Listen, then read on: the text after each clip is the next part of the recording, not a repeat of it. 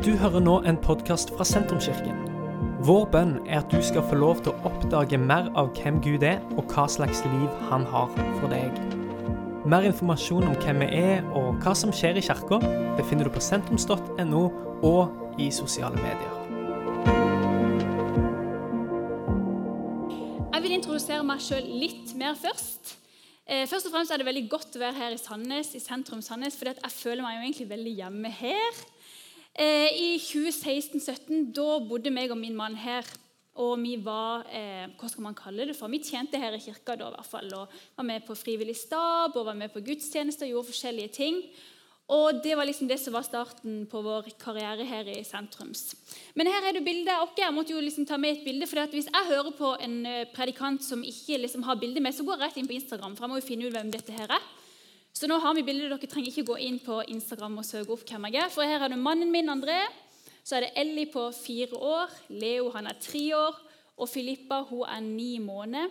Og For et par uker siden så hadde vi barnevelsignelse i Farsund, eh, og Solveig gjorde den. Så kan du gå på neste bilde. Her er vi på Ekko, og her pleier vi å ha gudstjeneste. Og det som er litt gøy, er at Neste søndag så skal vi feire fem år. Sentrums fem år. Dere feirer 20 her, vi feirer fem år. Det er gøy å se hva Gud gjør. Vet du hva? Gjennom vår kirke, folkens, både i Farsund og her, så har folk tatt imot Jesus. De har fått et håp i livet sitt. Jeg er takknemlig for å få lov til å være en del av kirke, Guds kirke i dag, fordi at eh, mennesker får lov til å møte Jesus gjennom våre forsamlinger, og det er fantastisk bra. Det er jeg veldig takknemlig for. Og vi har tenkt å fortsette til den dagen Jesus kommer tilbake igjen. ikke sant? Både her og i Farsund. Og så drømmer vi om at det skal bli flere plasser òg, i Norge og i verden. Eh, jeg har lyst til å dele et par tanker som egentlig ikke ja, ja, det har jo med talen å gjøre, men bare sånn litt utenom òg. For I de siste ukene så føler jeg at Gud har lagt noen bibelvers på mitt hjerte. Og jeg tenker at Hvis det oppmuntrer meg, så kanskje det vil oppmuntre deg òg.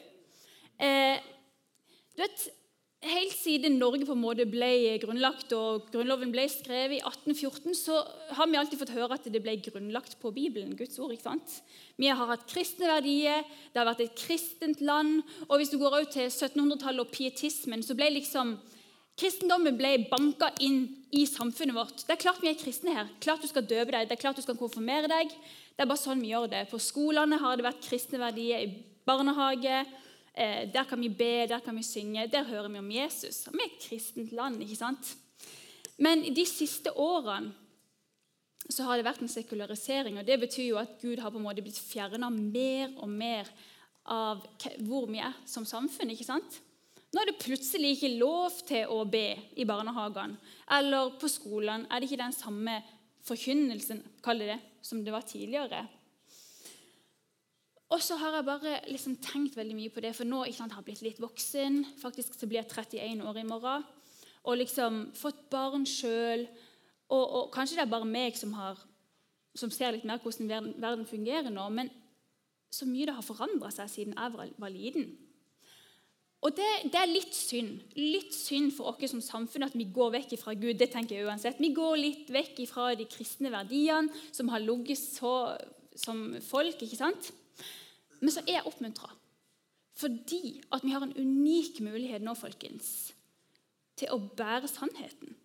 Til å bære Guds ord. Og de menneskene som velger å ta imot Jesus og leve som disipler for han, da er det ikke lenger fordi det på en måte er en forventning fra samfunnet. eller det er bare sånn vi gjør Det her. Det, det er liksom en ekte relasjon med Jesus. Og, og, det slipper å bli religiøst, eller man må, må fordi det er noen regler men fordi man virkelig ønsker å leve i relasjon med Han. Og Da føler jeg at Gud har minnet meg om to vers. Eh, det ene er om den smale sti. Ikke sant? For, eh, nå husker jeg ikke helt om jeg husker det helt ordrett, men ikke sant? For den store vei, der ender fortapelsen. Men jeg har kalt dere inn på den smale sti. ikke sant? Og, og det jeg har tenkt på, det er at det, det er ikke sikkert at dette er den mest populære veien. Men hvis Jesus har kalt meg inn der, da vil jeg gå der. Og Et annet vers som, som henger sammen med det, det som står i Josva, at 'meg og mitt hus, vi skal tjene Herren'. Og Det har blitt så sterkt for meg og mannen min, fordi det stormer rundt dere. Hva er sannheten når det gjelder eh, ekteskapet, kjønn Alt. ikke sant? Du hører om sex. Hvordan skal vi forholde oss til dette? her? Det er jo så forvirrende. og Samfunnet sier én ting, og du vet at Bibelen sier en annen ting. Og så skal man liksom prøve å engasjere seg, eller skal være med å diskutere, skal være med i debatt. Ja, man kan jo altså det, men meg og mitt hus, det er det viktigste. Meg og min mann og mine barn. Men jeg tenker også på kirka. Vi er òg Guds hus. ikke sant? Meg og mitt hus. Guds hus. Vi skal tjene Herren. Så jeg vil oppmuntre dere med det helt i starten, at Gud har kalt dere til det. Og Jeg er så takknemlig for denne Bibelen, Guds ord. Her er det noen rammer han har satt for å ha orden i livet vårt. Og jeg er overbevist om at de rammene som han setter, det er det beste for oss. Det er her vi kan finne ekte frihet. Og han vil det absolutt beste for oss. Så med det så begynner vi på talen. Og Hvis dere har vært i kirka i løpet av denne høsten, så vet dere kanskje at vi snakker om eh, lang lydighet, eller om vi går gjennom salmene. Og, eh, eh, og det å leve et disippelliv i en øyeblikkskultur. ikke sant? Eh, vi er vant til å få det sånn som vi vil. Kjapt, kjapt, kjapt. Men tenk på det ordet lang lydighet. Uh, du skal være lydig gjennom hele livet. Og sånn som Solveig sa i stad det å være en kristen det er ikke bare når du er barn eller ungdom eller ung voksen og du ikke har noe bedre å gjøre. Det er faktisk noe som er i kjernen av våre liv. ikke sant? Og eh, så er, så er vi jo så heldige at vi vet det at kjernen av oss, sjelen vår Det er ikke bare her og nå, folkens. Det handler om evigheten i tillegg. Og det må vi snakke mer om i vår dag. ikke sant? Evighetsperspektiv. Og 'Lang lydighet' av Eugene Peterson, som er en bok som vi går igjennom, det er utrolig bra bok som, som liksom tar sånn forskjellige temaer. Og I dag så skal vi snakke om arbeid. Og Tittelen er på en måte 'Hvis ikke Herren bygger huset'. Og jeg tenker at Det ligger i oss som nordmenn og kanskje egentlig mennesker at eh, vi skal jobbe. Vi skal gjøre oss nyttige. Og et sånn hoved, altså en viktig verdi for oss er at vi skal lære opp barna våre til å være selvstendige. De skal klare seg sjøl, vi skal tjene penger og vi skal stå på egne bein. ikke sant? Eh, og Jeg begynte sjøl å jobbe ganske tidlig. Jeg var liksom barnevakt da jeg var 13-14. Og så var jeg litt vaskehjelp. og Det bare lå, lå i meg. Eh, og så når jeg var sånn 16-17, så begynte jeg på et gatekjøkken. Og Grunnen til at jeg fikk meg en jobb, det er fordi at jeg er en uh, spender. Altså, også Dere må tilgi meg fordi at jeg uh, må bruke noen engelske ord. fordi at uh, jeg er jo fra det amerikanske lista, som dere vet. Jeg mener, Bestefaren min var fra USA. Og så var jeg utvekslingsstudent i andre klasse. Jeg har ennå ikke helt recovered fra, fra det. Så hvis det kommer noen engelske ord, så åh, jeg vet Per Eivind han er ikke så glad i det, men eh, dere kommer til å skjønne hva jeg mener. Men jeg er en spender. Så min motivasjon for å ha en jobb det var ok, da skal jeg få lønning, jeg skal kjøpe klær, jeg skal gå på reise, jeg skal leve det gode liv. ikke sant? Det var min motivasjon. Og det som var litt morsomt Jeg var 17 år kanskje, og han sjefen vår han var ikke tilstedeværende i det hele tatt. Så det var meg øh, og mine venninner som styrte denne sjappa. Og ja, Det var ganske kaos, kan du si. Og vi var sånn der Ja, hei, du, jeg har en som har lyst til å begynne å jobbe her. Han visste jo ikke at det var bestevenninna mi. Så det var jo altså totalt kaos. Men det var min første jobb. Og siden da så har det liksom vært Det har bare ligget i oss at man skal jobbe. Og da vil jeg at du skal tenke på hva er din karriere? Liksom Hvis du tenker tilbake igjen på din aller første jobb, eller kanskje ikke du har fått din første jobb ennå. Hva var motivasjonen? Var det på en måte bare en forventning til at jeg må jobbe? Eller var det noe du sparte til? Var det en mål? Var det en mening? Vi skal snakke litt om det i dag. Og Da må vi jo lese denne salmen som vi har i dag. Den kommer opp på skjermen. Eh, salme 127 er en sang ved festreisende. Og det er Salomo som skriver denne salmen, som er litt viktig detalj. Hvis Herren ikke bygger huset, arbeider bygningsmennene forgjeves. Hvis Herren ikke vokter byen, våker vaktmannen forgjeves. Forgjeves står dere opp og setter dere sent ned og spiser brød dere har slitt for. Det samme gir han sine venner mens de sover. Barn er en gave fra Herren. livsfrukt er en lønn. Som pile i stridsmannens hånd er sønner en får i sin ungdom. Salig er den mann som fyller sitt kogger med dem. Han blir ikke til skamme når han taler mot fiender i porten. Så arbeid, som vi skal snakke om i dag, hvis ikke Herren bygger huset. Arbeid er jo grunnleggende en god ting, vil jeg tørre å påstå. Og hvorfor kan jeg si det? Jo, for jeg tror jo det at eh, vi er skapt i Guds bilde. Og hva var det Gud gjorde? Helt i første side av Bibelen. I begynnelsen skapte Gud himmel og jord. Ikke sant? Han skapte, han gjorde noe aktivt.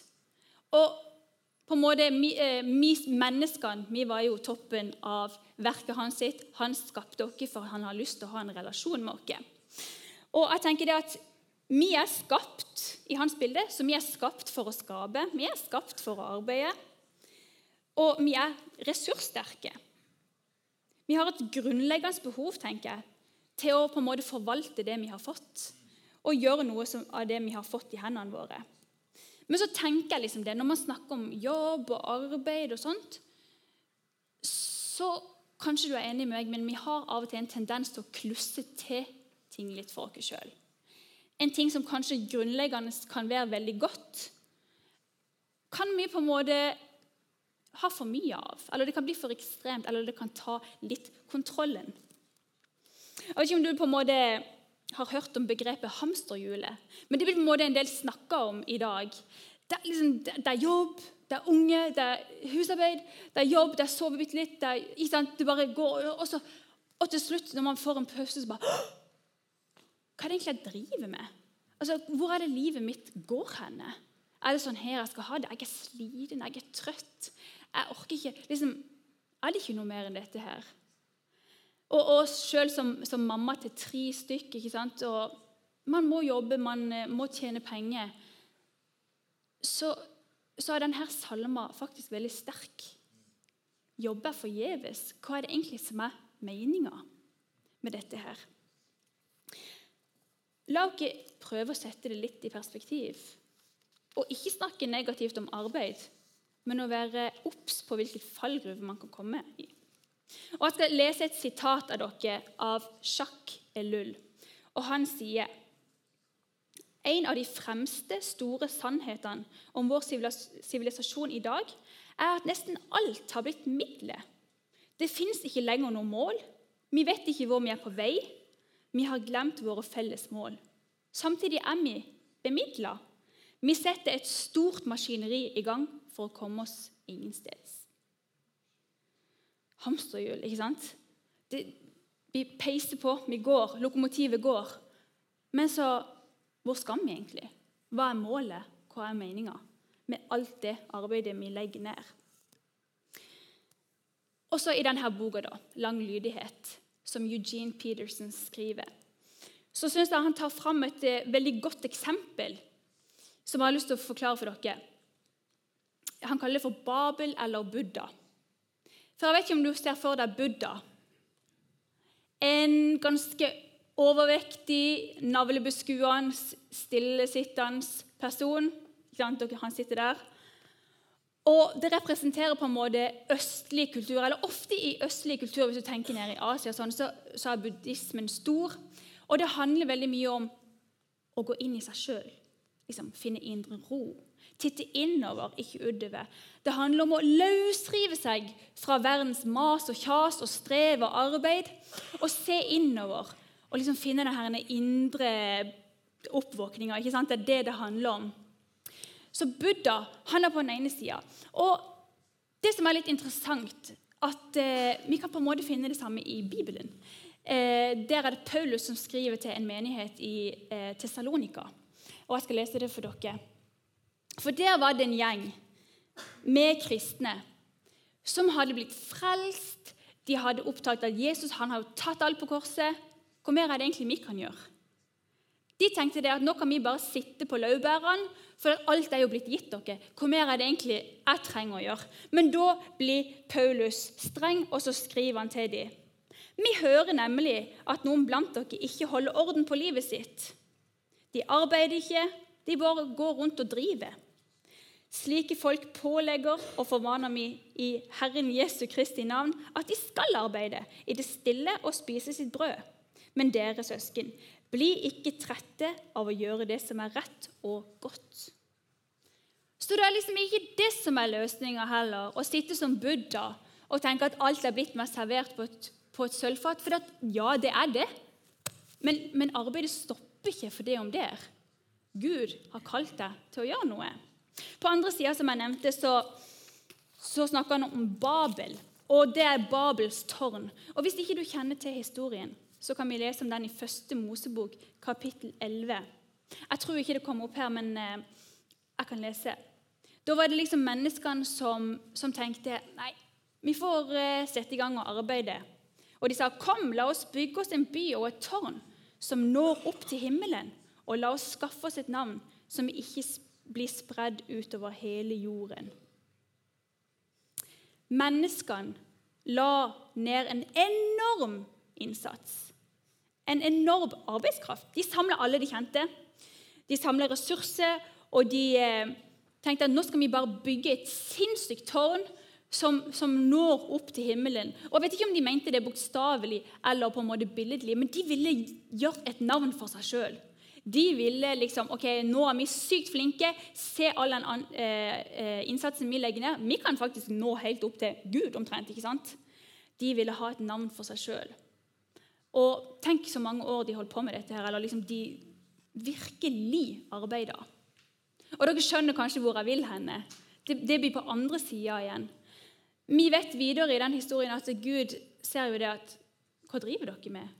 Dere kan jo ikke tro at dere klarer å liksom hevde dere over meg. Så han kommer ned som det står, og forvirrer språket deres, sånn at de ikke lenger klarer å samarbeide. Og de sprer seg utover jorda. Og alt arbeidet er forgjeves. Det ender i kaos. Herren bygger ikke det huset. Og så er det sånn Ok, da. Ja, de, Det kan kanskje ligne litt mer på vår kultur i dag. ikke sant? Vi jobber veldig mye. Eh, liksom, og, og, vi jobber ikke like mye som amerikanerne, men vi har jo på en måte litt de samme verdiene. Vi skal jobbe, vi skal tjene oss opp. og sånn som det sto i det der eh, sitatet, at Vi er jo ganske bemidla. Vi har mye å rutte med fordi at vi jobber hardt. Men er Herren med? er det han som bygger huset. Og som disippel og etterfølger av Jesus så er det viktig for oss å på en måte tenke på det som, som Jakob også sa i når det gjelder penger, men at absolutt alle områder av livet vårt burde være påvirka av Gud. Ikke bare påvirka, men at det kan òg gi Gud ære. Ikke sant? Når du gir kollekt eller tiende, så, så ærer du Gud med, med dine penger. Når du kommer til gudstjeneste og tilber, så ærer du Han med din sang og din tid. ikke sant? Skjønner dere hvor jeg vil? Er det sånn at vi òg kan ære Gud med vårt arbeid? Så da blir det verken Babel eller Buddha, men å arbeide Guds arbeid. Og jeg tenker tilbake igjen til eh, Mange av dere er der snart, og kanskje er der nå òg. Liksom man er 17-18-19. Man skal velge hva man skal gjøre resten av livet. Jeg mener, For et ansvar å legge på. Man tenker jo man er voksen når man er 18, men surprise, man er ikke det, faktisk. Man trenger noen flere år til å bli moden og liksom skjønne litt mer hvordan verden fungerer. I hvert fall de fleste av oss. Og jeg tenker på meg sjøl når jeg skulle liksom velge yrke, velge jobb. Så føler man jo et enormt press utenfra til å du, du, tenker på ok, hvordan jobb kan jeg ha som gir meg den og den lønna, sånn at jeg kan ha det og det huset, og så kanskje skal jeg ha meg familie. og liksom, ja, De tjener 600 000, og så stiger man kanskje sånn, dere, dere, skjønner, dere har sikkert alle hatt de tankene sjøl. Hva kan jeg gjøre i livet mitt for at jeg kan leve sånn og sånn og sånn? Og, og jeg tenkte jo veldig det at jeg burde sikkert bli sykepleier. Ikke fordi at jeg hadde en sånn indre drøm om å bli det, men det var liksom en av de der safe yrkene å ta, som ga meg en jobb sant, og en stabil inntekt. Og jeg søkte for sykepleien, tror jeg. Og liksom var klar for det. Eller egentlig så var jeg ikke klar, men Takk Gud for sykepleiere, altså. Men for meg var det ikke rett. Jeg kjente sånn indre kamp. At jeg vil jo egentlig ikke dette her. Åh, hva er det jeg egentlig vil? Jeg liksom søkte på denne skolen. jeg var liksom, på det tidspunktet i livet mitt så, så, kjente jeg til Gud, men jeg levde ikke for Gud. Det er en ganske stor forskjell. Jeg visste at han var der, jeg visste at Jesus hadde dødd på korset for min skyld. Jeg trodde på Jesus, ja, men jeg hadde liksom ikke spurt han eh, Gud, har du en plan, kanskje? Eller hva, er det jeg kan gjøre med mitt liv? Det var ikke mine tanker i det hele tatt. Men den sommeren kom, når man liksom skal forsvare om man kommer inn eller ikke, jeg var mer og mer uro. Jeg kan ikke gjøre dette her. Jeg vil ikke bli sykepleier. Jeg vil ikke tjene sånn og sånn. Jeg vil ikke ha dette her livet. Jeg vet ikke hvorfor, men det føltes ikke riktig for meg. Så jeg endte opp, lang historie kort, så endte jeg opp med å gå på bibelskole. Og der skjedde det noe veldig veldig viktig for min del. Eh, der lærte jeg at alt arbeid kan være bra arbeid så lenge Gud bygger huset. Skjønner dere? Så lenge Gud er involvert, så lenge jeg arbeider med den intensjonen om at jeg vil tjene Herren.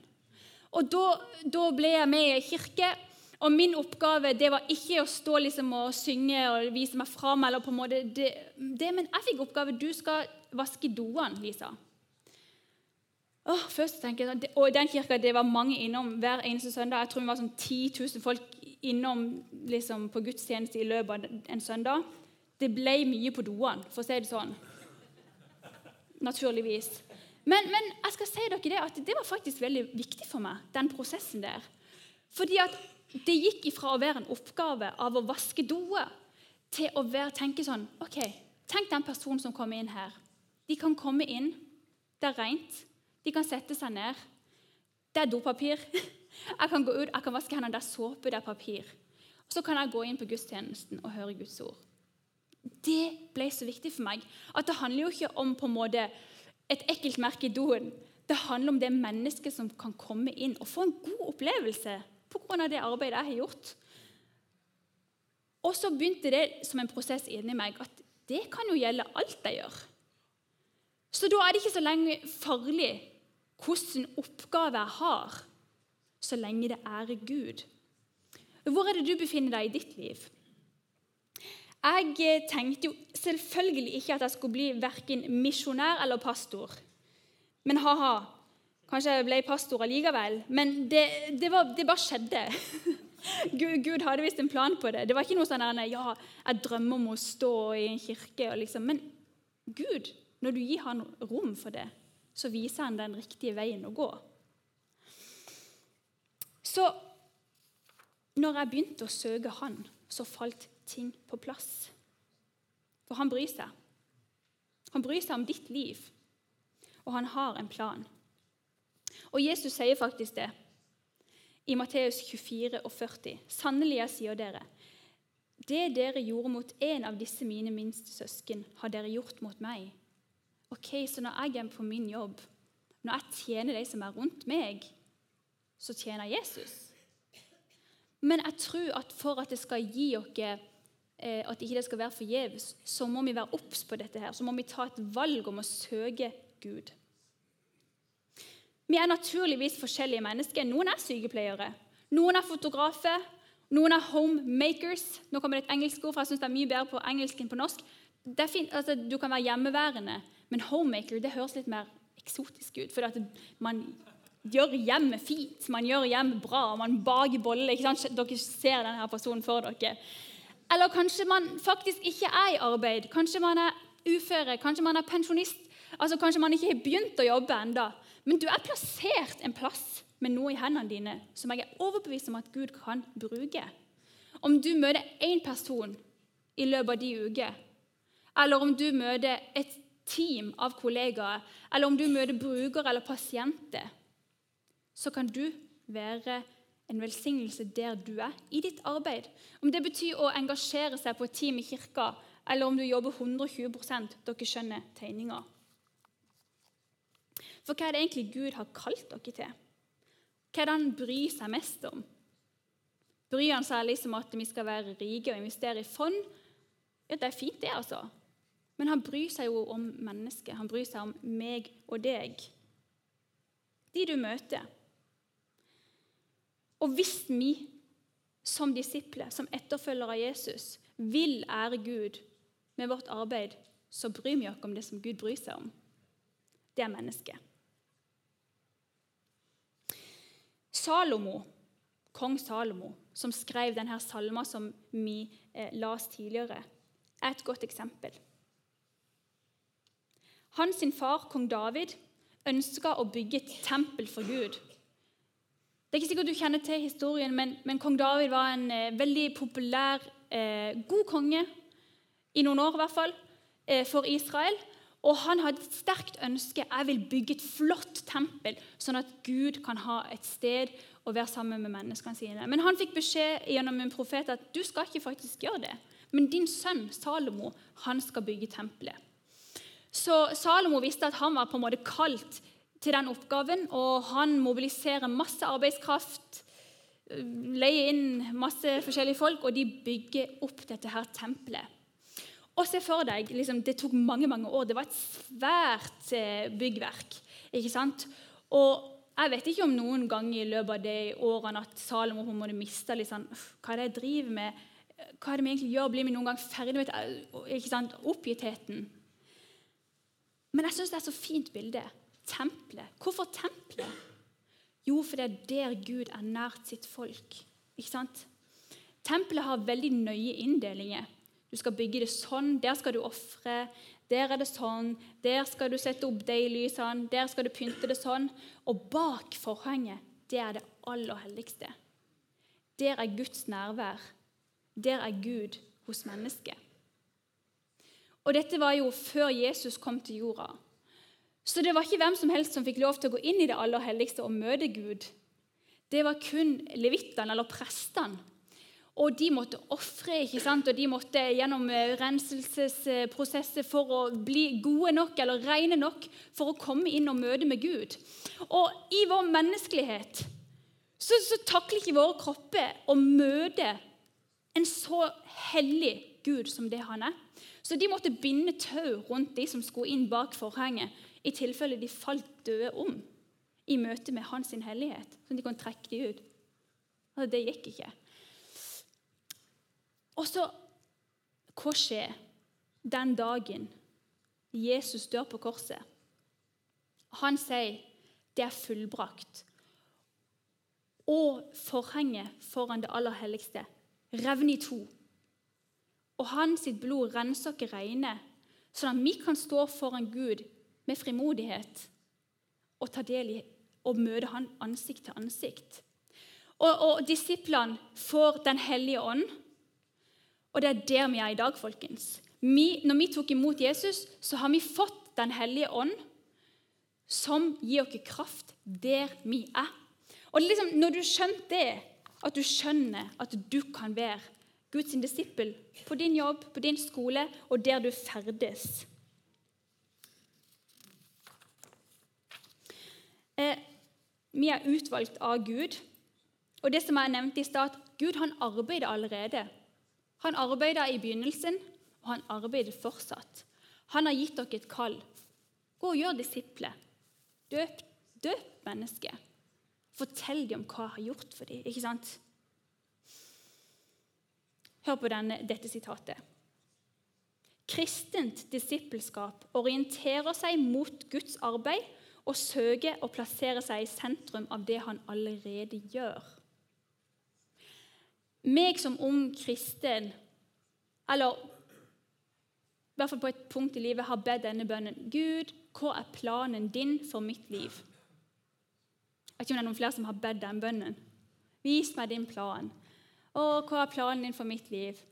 Jeg vet ikke liksom, om man forventer å få skrift på veggen, eller om man liksom Nei, jeg har ikke helt funnet ut av det. Jeg har hatt denne samtalen med mange. Nei, jeg har ikke helt funnet ut av det ennå. Jeg vet ikke helt hvor Gud har kalt meg til. Jeg klarer ikke helt å bestemme. Å, du er så heldig som bare vet hva du skal.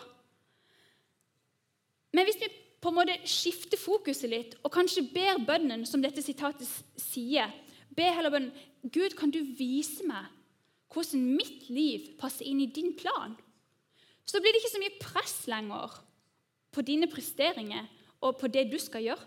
Fordi du skal passe inn i en plan som allerede har blitt lagt for deg. Og du kan være der du er, og bli brukt av Gud. Andre del av Salme 127. Jeg leste det i stad, men jeg har lyst til å lese det for dere igjen. Jeg går mot en avslutning, så bandet kan komme opp hvis de har lyst til det. Andre del så står det Barn er en gave fra Herren. Livsfrukt er en lønn som pile i stridsmannens hånd er sønner en får i sin ungdom. Salig er den mann som fyller sitt kogger med dem. Han blir ikke til skamme når han taler mot fiende i porten. Det blir veldig tydelig her at eh, hva er det barn representerer?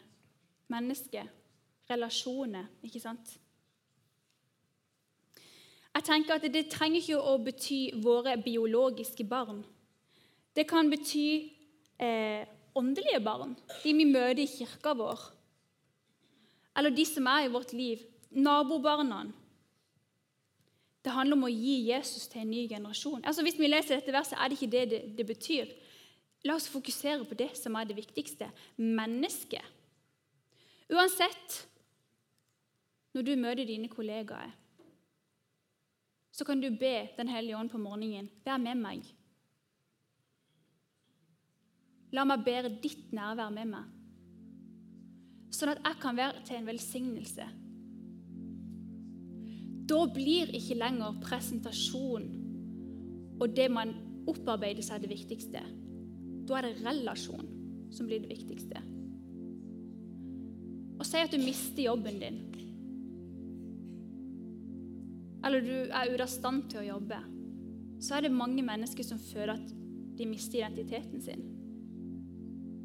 Hvem er jeg uten liksom, min oppgave eller mine penger? Men da kan du være oppmuntra til at det, det, er jo relasjonene som betyr noe. Det kan du få hvor som helst. Det er ikke bare på jobben min. Og så skal vi være der vi er. Så skal du være sykepleier. Og så skal du være vernepleier. Og så skal du være lærer. Og så skal jeg være fotograf og pastor og mamma. Og så vet du hvor du er i ditt liv, og om du kan være en velsignelsessti rundt. Min bønn for mitt liv, det er jo det at eh, jeg sier den dagen jeg skal ikke slutte på jobb eller bli pensjonist, eller den dagen jeg dør, så vil ikke jeg at liksom folk skal si ja, Lisa har to millioner på fond. Det er bonus, selvfølgelig. Penger er ikke dårlige ting.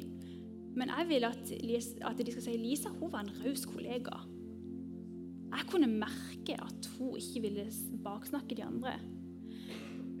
Jeg følte meg sett av Lisa.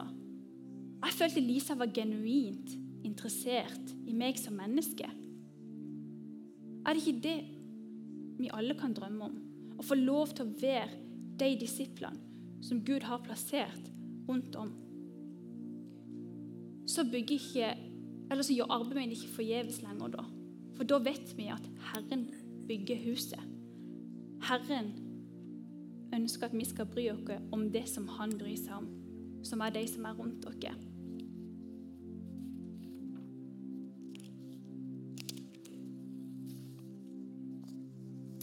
Mange føler kanskje at eh, jeg lever uten mening. Jeg vet ikke hva som er liksom meninga med dette her livet. Jeg føler at jeg jobber forgjeves. Jeg er fanga av hamsterhjulet, og jeg vet ikke hva jeg kan gjøre. Kanskje ikke du har møtt Jesus engang. Eller kanskje du har tatt avstand fra han, sånn som jeg gjorde da jeg var ungdom. Men jeg har lyst til at vi skal be sammen. Først skal vi be en felles bønn som kommer på skjermen her. Vi kan alle sammen reise oss opp. Men så vil jeg òg be for deg som ennå ikke har tatt imot Jesus.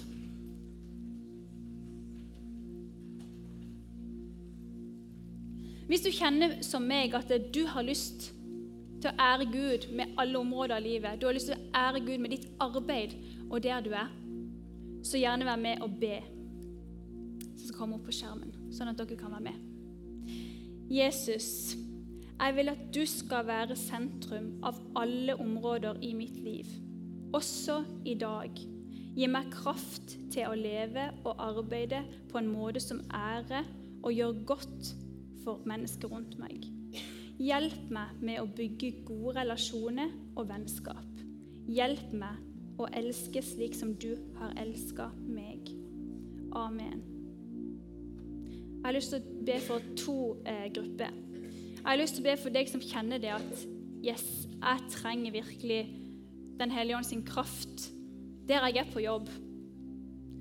Det som er så fint, folkens, at du trenger ikke å si opp jobben i morgen og tenke at nå skal jeg legge meg ut som misjonær for å ære Gud. Nei, du trenger ikke Du trenger ikke å bytte noen ting. Kanskje du bare trenger å bytte hjertefokus.